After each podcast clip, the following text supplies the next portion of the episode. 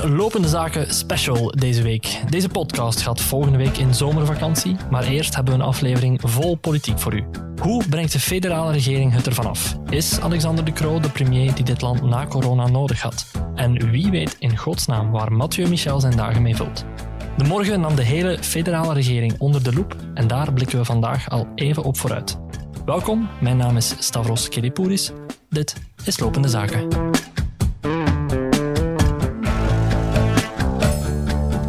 Zaken. Een podcast van de morgen. En u weet het intussen, ik zit hier niet alleen. Ik heb twee zoetgevoisde stemmen mee. De eerste is van Bart Eekhout, commentator voor deze krant. Dag Stavros. En naast hem zit ook mijn collega Jeroen van Oorbeek, politiek journalist voor deze krant. Hey Stavros. Bart, vorige week bracht deze krant en deze podcast een evaluatie van de Vlaamse regering. Deze week is het de beurt aan de federale regering. De regering De Croo, die een echte hervormingsregering moest worden eh, na corona dan. Slagen ze daarin? Nee. Voilà, dat is het einde van de podcast. Oké, voilà, iedereen een goede zomervakantie. Nee, eh, vertel eens, hoezo ze slagen daar niet in? Wat loopt er dan mis? Het probleem zit eigenlijk in, uh, in, in de geboorte van, van deze regering, waar je ja, met die heel vreemde situatie zit, dat het een hele lange dracht is geweest, zoals iedereen zich nog herinnert. Hè. En dat ondanks het feit dat er toch wel wat tijd gebruikt is, dat uh, de coalitie er niet in geslaagd is om een solide regeerakkoord af te sluiten. Dat is eigenlijk toch allemaal een beetje op een rapje gebeurd op het einde. En daardoor zijn een aantal knopen niet doorgehakt. Dat was vanuit de filosofie van we hebben nu dringend een regering. We zaten toen ook nog volop in de coronacrisis natuurlijk. Dus er was echt wel een beetje beleid nodig. En het idee was van en en cours de route zal het vertrouwen dan wel groeien om die hervormingen alsnog door te voeren. Maar vandaag zijn we dus min of meer na die coronacrisisperiode, alleszins toch voor het beleid of voor het gezondheidssysteem, nog onder druk komt te staan door de epidemie. Dat, dat, dat moeten we nog even afwachten. Maar goed, voor het beleid is het ergste toch wel achter de rug. En dan zie je dat dat wat gehoopt of voorspeld was, dat het niet gebeurt. Wel in tegendeel, dat er weinig animo is om uh, eensgezind een aantal belangrijke hervormingen uh, op het spoor te krijgen. En dat zijn dan hervormingen die de regering zichzelf al opgelegd had? Wel ja, dat is dan een beetje onduidelijk. Hè. Um, je hebt, als we dan kijken naar het socio-economische domein, want daar speelt dan toch zeg maar, de, de, de, grote, de grote beleidsvraagstukken zich af. Dan heb je het over de arbeidsmarkt. Daar is dan een arbeidsdeal gesloten, onlangs uh, bevestigd, om zo te zeggen. En dat op zich uh, is daar eigenlijk, wat mij betreft, uh, is er weinig verkeerd mee. Ik denk dat, dat zowel werknemers als werkgevers daar eten en drinken in kunnen vinden. Wel niet zo heel veel eten en drinken, dat is dan het groot probleem probleem wel. Als je, als je als ambitie stelt dat je 80% van de uh, werkzame bevolking ook echt aan het werk wil krijgen, dat gaat niet lukken met deze arbeidsdeal. Dus dan heb je een, een, een, een grotere, structurele hervorming nodig. Maar daarvoor zijn de tegenstellingen te groot en dreigt te gelden voor uh, de pensioenhervorming die op een volgende coalitie nu toch al een jaar of tien achter zich aanslepen. En de verwachtingen zijn niet zo heel erg groot dat deze regering daar uh, echt de grote knopen gaat doorhakken. En als wij kijken nog over de fiscale hervorming, waar de minister Vincent van Petegem wel nog altijd hoopt dat hij een aantal hervormingen uh, zal kunnen doorvoeren, maar waarvan het regeerakkoord ook eigenlijk alleen maar zegt dat die hervormingen voorbereid moeten worden. Die verwachtingen die lagen zo hoog. Is corona een excuus voor het feit dat ze nu niet ingelost worden of niet? Nee, wat een. Eigenlijk zijn er geen excuses. Je zou kunnen zeggen, ja, na corona is er een nieuwe gigantische crisis gekomen met de oorlog in Oekraïne, met al zijn repercussies op vluchtelingenbeleid, economisch beleid. En dat is zeker zo, maar eigenlijk zou in een coalitie die naamwaardig dat moment kunnen gebruikt worden om het regeerakkoord een echte update te geven. Uh, wat eigenlijk het idee was van, Christophe Calvo, wat ik absoluut geen, geen, geen verkeerd idee vond uh, in deze opstelling. Maar opnieuw zie je dat er dan toch, en dat speelt zich eigenlijk vooral af in, in, in het Franstalige deel van de coalitie tussen MR en PS, dat er daar totaal geen ambitie is om met deze regering echt nog, nog iets verschilmakends te gaan doen. Wat, wat die coronacrisis betreft, vind ik ook dat je altijd moest opmerken dat er zijn daar een heel aantal ministers die daar echt tot de over hun oren in het werk zaten tijdens die crisis. Mhm. Maar er zijn ook een heel aantal ministers en staatssecretaris die daar eigenlijk van heel ver af maar bij betrokken waren. Dan denk ik bijvoorbeeld aan iemand als minister van Pensioenen, Karine Lalieu. Mhm. Die heeft eigenlijk uh, twee jaar gehad om in alle stilte haar zeer gevoelige, weliswaar, hervorming voor te bereiden. Om die dan hè, overal mooi af te toetsen, om te zorgen dat het allemaal mooi gedragen was bij alle verschillende stakeholders, zoals het dan heet. Ja, en wat zien we dan in de feiten? Dat zij op uh, een blauwe maandag eigenlijk een soort georganiseerd lek ja, organiseert. Um, en ja, dat er dan eigenlijk die dag zelf al van die pensioenhervorming al helemaal geen sprake is, omdat je dan het heel voorspelbare uh, relaas krijgt van partijen die dan over elkaar heen struikelen om meteen die hervorming neer te sabelen. Dus ja, die, die coronacrisis, ik denk voor een heel aantal ministers inderdaad, we mogen niet vergeten dat was echt wel dag en nacht werken voor sommigen. Maar voor een aantal toch ook gewoon niet. En uh, het zijn ook net die ministers, vind ik, die ook nu na de coronacrisis eigenlijk weinig op tafel kunnen leggen qua prestaties. Jullie hebben het allebei nu al gehad over die pensioenhervorming van Karine Lalieu. Is zij een van de grote teleurstellingen dan van deze regering? Mm -hmm. Zeker als je, als je het echt alleen naar het, het voorbije werkjaar kijkt, ja, is, is haar uh, prestatie blad eigenlijk zo goed als leeg. Hè. Ze heeft inderdaad dat ene moment gehad, in, in dat ene mediamoment gehad, maar dat is al meer dan een jaar geleden. Dan is die pensioenhervorming eigenlijk een beetje van tafel gehaald. En ze is er sindsdien amper nog opgekomen. Ik begrijp, uh, maar Jeroen weet er ongetwijfeld meer over dan ik, dat er tegenwoordig wel in, in, in, in regeringstop onderhandeld wordt om toch nog iets van die pensioenhervorming te maken. Maar dan spreken we over een soort minimaalprogramma, uh, dat, dat heel ver afstaat van, van een soort uh, ja, globale uh, visie op de toekomst van de betaalbaarheid van de pensioenen. En, en, en voor Jeroen misschien iets meer zegt over ja, wat er nog mogelijk is toch nog even benadrukken hoe belangrijk dit is. Uh, we zitten in een context waarin België opnieuw moet rekenen met zeer grote begrotingstekorten, die het bestaande historische uh, de overheidsschuld nog aandikken. En dat is een heel slechte startpositie op het moment dat die vergrijzing natuurlijk in, in, volle gang gaat en dat je dus ook moet rekenen met stijgende kosten voor, voor, voor, gezondheidszorg en vergrijzing op dit moment ja, is, de, betaal, de toekomstige betaalbaarheid van, van die kosten, is, is, die echt wel in het geding? Ja, zoals Bart al zei, eigenlijk zijn we met die pensioenhervorming al bijna een decennium bezig. Ik herinner me, als ik net begon te werken bij deze krant, was een van de eerste persconferenties waar ik naartoe ging, was een persconferentie van toenmalig minister Alexander de Croo met uh, huidig minister dan Frank van den Broeke, die toen als prof mm -hmm. eigenlijk werd gevraagd om de ideale pensioenhervorming uit te tekenen voor ons land. En die ligt ook sindsdien eigenlijk klaar. Die ligt ergens in een schuif. Ja, zou iemand die nog vinden? Ik weet het niet. Van, van de broeken misschien. ja, waarschijnlijk wel. En eigenlijk sindsdien zijn we daar uh, beetje bij beetje mee aan de slag gegaan, politiek. Om niet al te technisch te worden. Wat we van deze regering eigenlijk mogen verwachten, is dat ze die hervorming nu echt afronden. En dat gaat dan over een hele reeks uh, technische beslissingen. Maar wat je natuurlijk niet mag vergeten, achter al die technische zaken wel heel erg menselijke bekommernissen zitten rond hun pensioenen. Die ook direct een impact hebben op een hele grote groep mensen. Dus ja, dat is toch wel iets waar we denk ik deze regering echt wel mogen op afrekenen. Op het feit van kunnen ze nu die pensioenhervorming, waar we al zo lang aan het timmeren zijn, kunnen ze die nu echt eens mooi afronden. Dat we daarmee klaar zijn voor de toekomst. En zoals het er nu naar uitziet, zal dat eigenlijk um, niet gebeuren, denk ik. Misschien dat we daar toch nog, ja, er zullen misschien een aantal stapjes weer, het aantal nog te beslissen elementen zal misschien wat verkleinen. Maar om echt te zeggen van we zijn er nu klaar mee en nu kunnen we echt vooruit ja, dan komen we ook opnieuw weer bij wat eigenlijk in het begin van de podcast al werd gezegd van de grote angst eigenlijk dat die, na die corona-epidemie dat er dan eigenlijk zou duidelijk worden dat die ideologische spreidstand binnen die coalitie toch wel groot is om echt fundamentele beslissingen te nemen. ik denk dat die angst nu stilaan wel uh, bewaard is geworden. Heeft het ook te maken met misschien de vaststelling dat na dat corona veel langer geduurd heeft dan ze verwacht hadden en dat daardoor de tijd tussen de tijd hier nog was om echt te besturen voor er weer verkiezingen voor de deur staan, die bleek een stuk korter dan gehoopt. Heeft dat er ook mee te maken?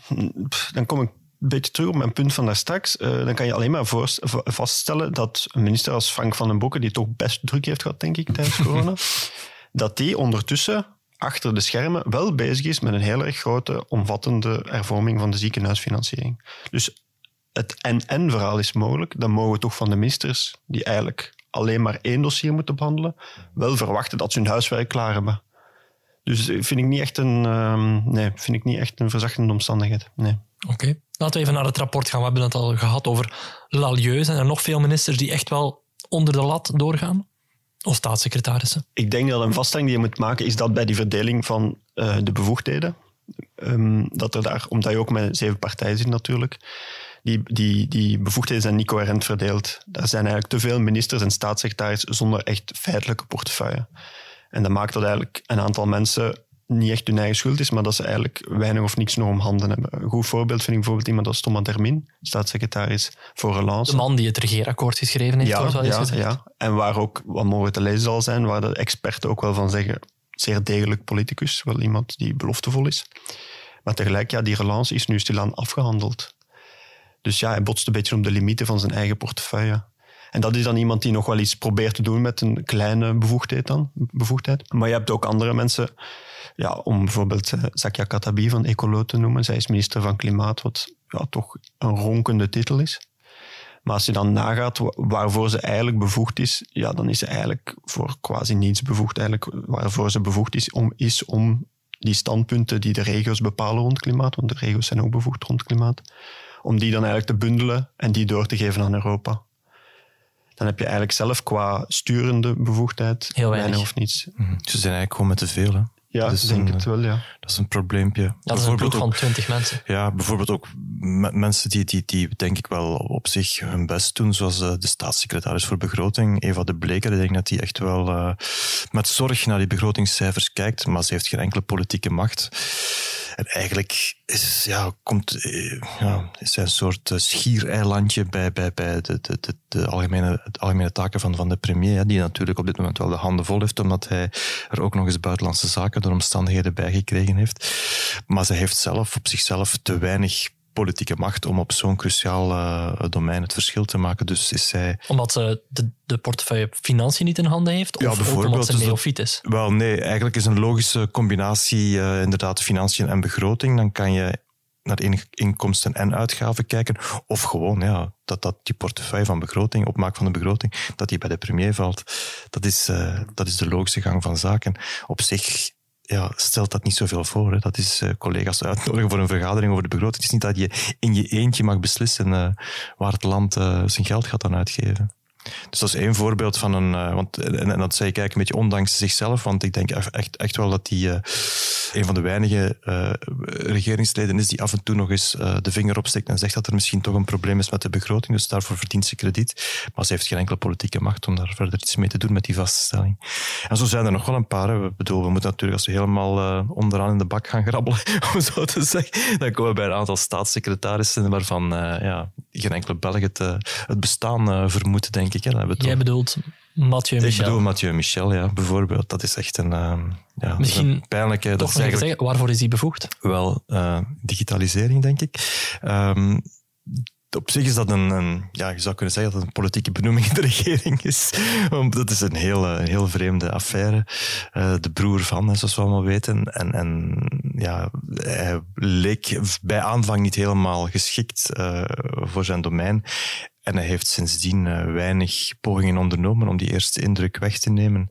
Nochtans vind ik nog altijd dat je in eh, dit tijdsgevricht, zelfs van een eh, portefeuille als digitalisering, iets kan maken, omdat bijvoorbeeld toch heel wat mensen zich zorgen maken over de toekomst van hun privacy. Daar zou je als staatssecretaris voor digitalisering wel iets mee kunnen doen.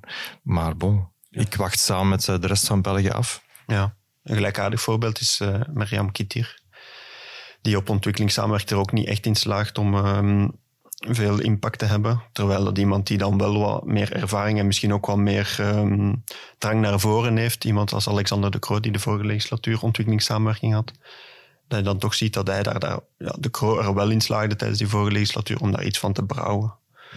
Bij digitalisering ook. Ik herinner mij Bart Tommelijn, hè, de huidige eh, burgemeester van Oostende ja, die, die ging, eh, als ik me niet vergis, Facebook een eh, proces aandoen. Bon, Dat was dan misschien ook wel licht overdreven, maar het heeft Voor, ook voor wel... of na de Olympische Spelen ja, in Vlaanderen. Ja, ja, zoiets. maar het heeft ook wel iets met de ingesteldheid te maken. Je moet, als je er zelf ook iets wil van wilt maken, dan heb ik toch het idee dat je dat ook wel kan. Eh, maar ja, er zijn een aantal staatssecretarissen die precies... Ja, niet echt... om terug te komen op Zakia Katabi, eigenlijk haar enige werk in de regering is een positief verhaal proberen te maken rond klimaat, Mhm. eh, strijd tegen klimaatopwarming, de investeringen die daarin nodig zijn en ook de, de return die je daaruit kan krijgen. Dat is eigenlijk het enige wat we van haar verwachten. En als je dan kijkt naar wat er van communicatie van haar is, ja, dat is weinig of niets. En als ze dan echt een keer uh, opvalt, dan is het vaak om te klagen over het feit dat ze toch niet benoemd is bij het grondwettelijk hof. Zoals vorige week. Ja, dus er, waren, er was daar dan wat te doen rond die benoeming van MR, dat waar het uh, moeilijk liep. En waar ze het dan niet kon laten om daar dan meteen op te springen om te zeggen, ja, uh, toen ik rechter wilde worden bij het grondwettelijk hof, dan stak Boucher destijds een stokje voor.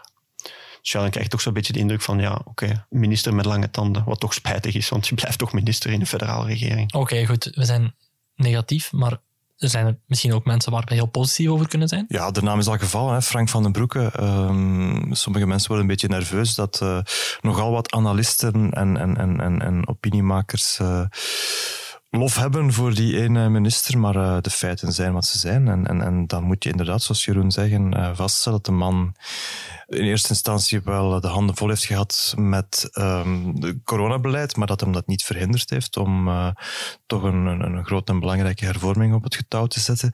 En dat hij veel kans maakt om als enige van de hele regeringstop die hervorming ook tot een goed einde te brengen. Want hij heeft het wel goed voorbereid met het veld, met alle betrokkenen. Het viel mij bijvoorbeeld op dat... Voor welke hervorming heb je dan? ziekenhuisfinanciering, ja. excuus. En het viel mij bijvoorbeeld op dat, dat ja, eigenlijk die ziekenhuisfinanciering zit eigenlijk vast door een soort, uh, wat ze noemen een Mexican standoff, hè, dat, dat iedereen met getrokken geweren tegenover elkaar staat. Dan heb je de ziekenhuisbeheerders, de ziekenfondsen en de dokters, die allemaal verschillende belangen hebben in dat verhaal. En Van den Broek is er dan toch in, in, in geslaagd om, om, om, om, om een soort wapenstilstand te creëren tussen die beiden. Er is nog geen akkoord, maar het viel me wel op dat bij de bekendmaking van de grote lijnen, dat alle uh, partijen, en dan bedoel ik de de drie die ik genoemd heb, en niet de politieke partijen, dat alle betrokken partijen uh, wel constructief waren in hun kritiek. En dat doet hopen dat daar misschien toch stappen vooruit kunnen gezet worden. Wat uh, Frank van den Broek betreft, vraag ik me wel vaak af. Corona is nu enigszins achter de rug, maar we zien nu die cijfers al stilletjes omhoog kruipen. De, de winter komt er ook uh, op een gegeven moment weer aan. Zijn we daar genoeg voorbereid? Hebben we lessen getrokken uit die twee jaar pandemie? Of is dat een ja, domein waar we dat we een beetje losgelaten hebben? Goeie vraag. Ik denk dat we nog altijd de. Uh, we hebben, er is nog altijd de barometer. Die zal uh, binnenkort wel weer afgestoft worden. En ik denk dat er wel een, basis is voor, een, voor, een, voor een, een, een beleid dat in deze vorm van de pandemie of de endemie zou moeten volstaan om, om, om het land te behoeden voor, voor nieuwe catastrofes. En dan denk ik, wat ik zelf in mijn hoofd de drie V'tjes heb genoemd, dat is misschien een soort marketingterm die de regering van mij kan, uh, kan overnemen. Ze mogen, ze mogen me altijd bellen. Uh, dus de V van vaccinatie wordt ook belangrijk. Hè. Het zal, ik denk zeker de, de, kwetsbare groepen, de, de oudere deel van de bevolking, toch voor een vierde prik best zal gaan ventilatie, waarbij je kan afvragen welke stappen vooruit we gezet hebben sinds de vorige golven. Ik, vraag, ik, ik, ik weet niet of er in de school ondertussen al veel meer ventilatiemogelijkheden zijn dan, dan, dan aan het begin van het schooljaar. Dat zullen we in september met een bang hartje moeten afwachten. Maar ook op andere domeinen. Hè. En, en dan de derde V die van, van verstand gebruiken. Ik denk dat we wel zeker in het najaar terug naar periodes kan gaan waarin het mondmasker... Uh, toch weer gebruikt zou moeten worden en waarbij je toch... We gingen moet, de sfeer niet verpesten, Bart. Ja, waarbij je toch moet uitkijken als je in een grotere, grotere groep komt. Maar goed, we gingen inderdaad de sfeer niet verpesten. Die derde dat loopt mis het verstand.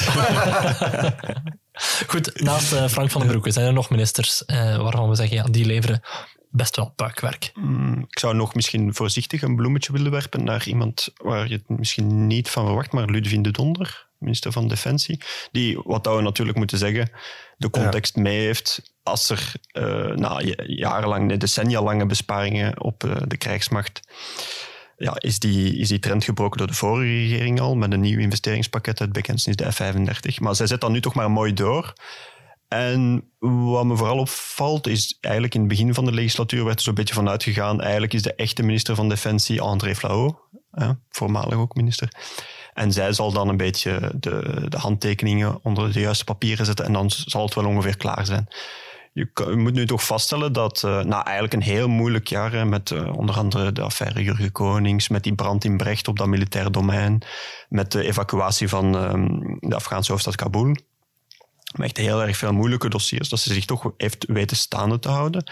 En dat ze ook in heel dat dossier rond uh, extra investeringen voor het leger, dat ze daar toch behoorlijk behendig heeft gelaveerd tussen enerzijds ja, achtergrond zijn de PS, uh, een van de partijen die toch uh, meestal als laatste aansluit als het gaat over extra investeringen voor het leger. En dan toch de, de, haar eigen portefeuille en de nood om wel iets te tonen aan, aan defensie, aan het leger, van ik, ik ben wel een minister die er voor jullie is en die zal strijden voor jullie.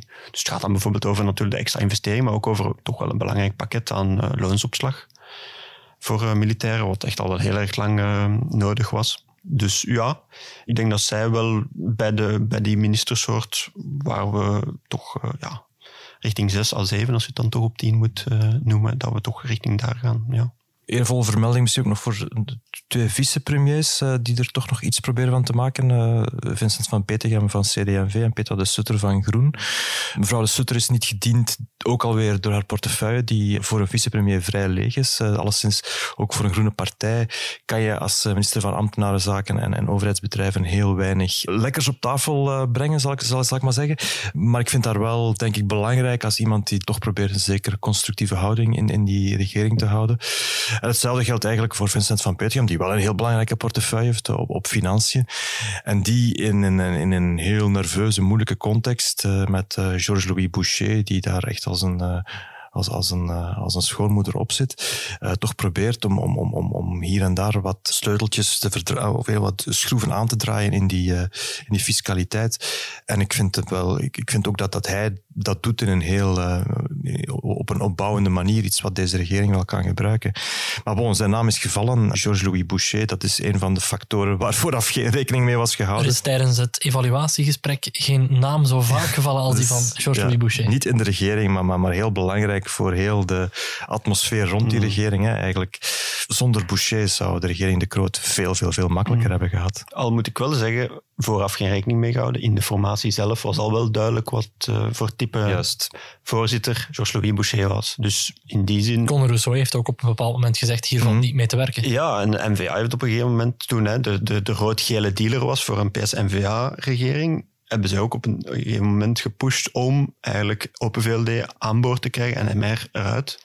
Ja, kan achteraf toch wel denken van, ja, misschien was die inschatting van de Wever destijds, los van alle uh, partijstrategische dingen die daarachter zitten, misschien was het toch niet zo'n slechte inschatting om te zeggen met die Boucher toch liever niet. Mm. Maakt het ook Open VLD bijzonder lastig en de premier bijzonder. Dus ook daar zou je effectief kunnen zeggen mm. of, of Egbert Lachaert s'avonds in zijn bedje soms eens denkt, had ik mij wel moeten vastketenen toen aan, aan George ja, Boucher. Ja. Moeten we trouwens nog over de premier hebben? Of, uh... Wel ja, doe gerust. Die is de premier. ja. Ik denk dat je daar een beetje een tweedeling moet maken. Zijn er tussen alles, alle internationale dossiers die er zijn, wat Bart ook al aangaf. Hij heeft nu van Sofie Wilmes uh, door omstandigheden de portefeuille Buitenlandse Zaken ook overgenomen. Al had hij die portefeuille ook al wel zelf wat geclaimd vooraf, alleen voordien. Ik denk dat hij daar wel op een, op een verstandige manier ons land vertegenwoordigt. Mhm. Dat hij dat ook wel in zich heeft, dat hij ook wel ervaren genoeg is en ook wel een soort allure heeft waarmee dat hij dat wel kan verkopen.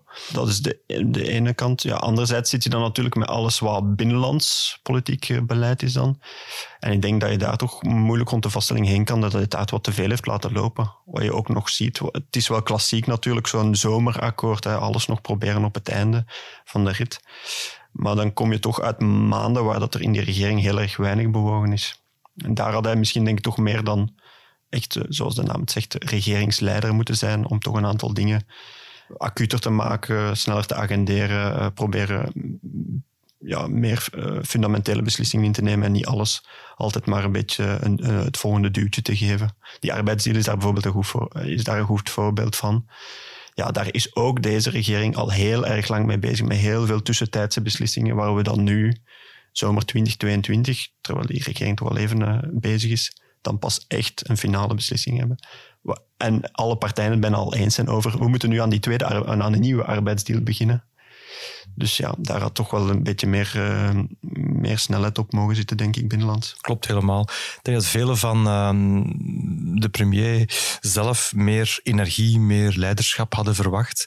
Hij, heeft uiteindelijk zelf gezegd waar het op stond, bij, bij zijn maiden speech, de, de, allereerste beleidsverklaring, heeft hij gezegd dat, dat alleen eendracht en, en, teamwerk de ploeg of het land vooruit zouden helpen. Ja, dan verwacht je natuurlijk wel dat hij als premier ook, ook er werk van zou maken om, om, dat, uh, die eendracht uh, te bewaren. En dat is volgens mij toch iets te weinig gebeurd. Nu goed, wat ook meespeelt, en, en misschien zelfs een heel belangrijke rol, is, ja, het is heel moeilijk om, om leiderschap uit te stralen dat jou niet gegeven is. Hè. Uh, is het daar met een, um, ja, een, een, een, probleem, een soort ijzeren wet van, van, van, van de wedstrijdpolitiek. Dat is dat ja, de premier toch best de vertegenwoordiger is van de grootste partij in de coalitie. En als dat niet gebeurt, ja, dan, dan ben je eigenlijk een, uh, een, een, een, een leerkracht in een klas zonder tucht. Hè. Dan, uh, dan, dan, zijn, dan kunnen grote partijen met je voeten spelen. En dat is helaas wat er nu aan Franstalige zijde ook aan het gebeuren is. Dus dat, dat heeft in de vorige regering Charles Michel uh, danig parten gespeeld. En dat dreigt nu een beetje te gebeuren met Alexander de Croo opnieuw. Ja, Promemori, Open VLD, was niet in de buurt van de grootste partij na de verkiezingen. Zevende, als ik, het, ja. uh, als ik alle oppositieklachten erover mag horen. Ik heb het niet zelf nagerekend, maar er zal wel ergens iets van aan zijn. Dus ze zijn eigenlijk een van de kleinere partijen in het parlement. Eigenlijk had die, die functie uh, de PS moeten toekomen, uh, maar die hebben dat vrij snel uit handen gegeven. Wellicht ook omdat zij voelden dat het heel erg moeilijk ging zijn om een ja, zal ik zeggen, uh, wat veel bonte coalitie voorbij toch al nerveuze Vlaamse partijcongressen te krijgen van CD&V en Open VLD. Maar goed, het resultaat is nu ook niet, uh, is er nu ook wel naar mm. natuurlijk. Al blijf ik me altijd wel de vraag stellen of Paul Magnet een daadkrachtige premier zou zijn. Wel, de, de, onze Franstalige collega Alain Gerlache had daar in het uh, regeringsrapport uh, wel heel bijzondere en kritische woorden over. Hij zei dat uh, ja, Magnet inderdaad altijd als hij in de regering heeft gezeten als minister-president of als minister, dat toch altijd een beetje tegenviel. Ja. Je had het net over die eendracht die Alexander de Croo uitstralen, dat was ook een beetje toen een, vingerwijzing naar de vorige regering, de Zweedse regering, die eigenlijk met spuug en plaktaal aan elkaar hingen op het einde, meer ruzie maakte dan iets anders. Op dat vlak heeft deze regering het eigenlijk niet heel veel beter gedaan. Nee, en dat is iets waar we ons zorgen over moeten maken, omdat we hebben daar vorige week ook al over, uh, over zitten nadenken. De vorige regering, daar werd eigenlijk van gezegd, ja, ze komt in conflict omdat de partijen weliswaar ideologisch coherent zijn. Ze passen goed bij elkaar, maar daardoor ook elkaars eerste concurrent zijn en daardoor eigenlijk geen belang bij hebben dat de collega's een punt scoren. En nu schijnt het probleem te zijn dat de, de, de ideologische samenstelling zo divers is dat er eigenlijk geen eensgezindheid mogelijk is. En zoals jij, denk, denk jij zelf, uh, vorige week gezegd hebt, ja, het is natuurlijk een van de twee. Hè.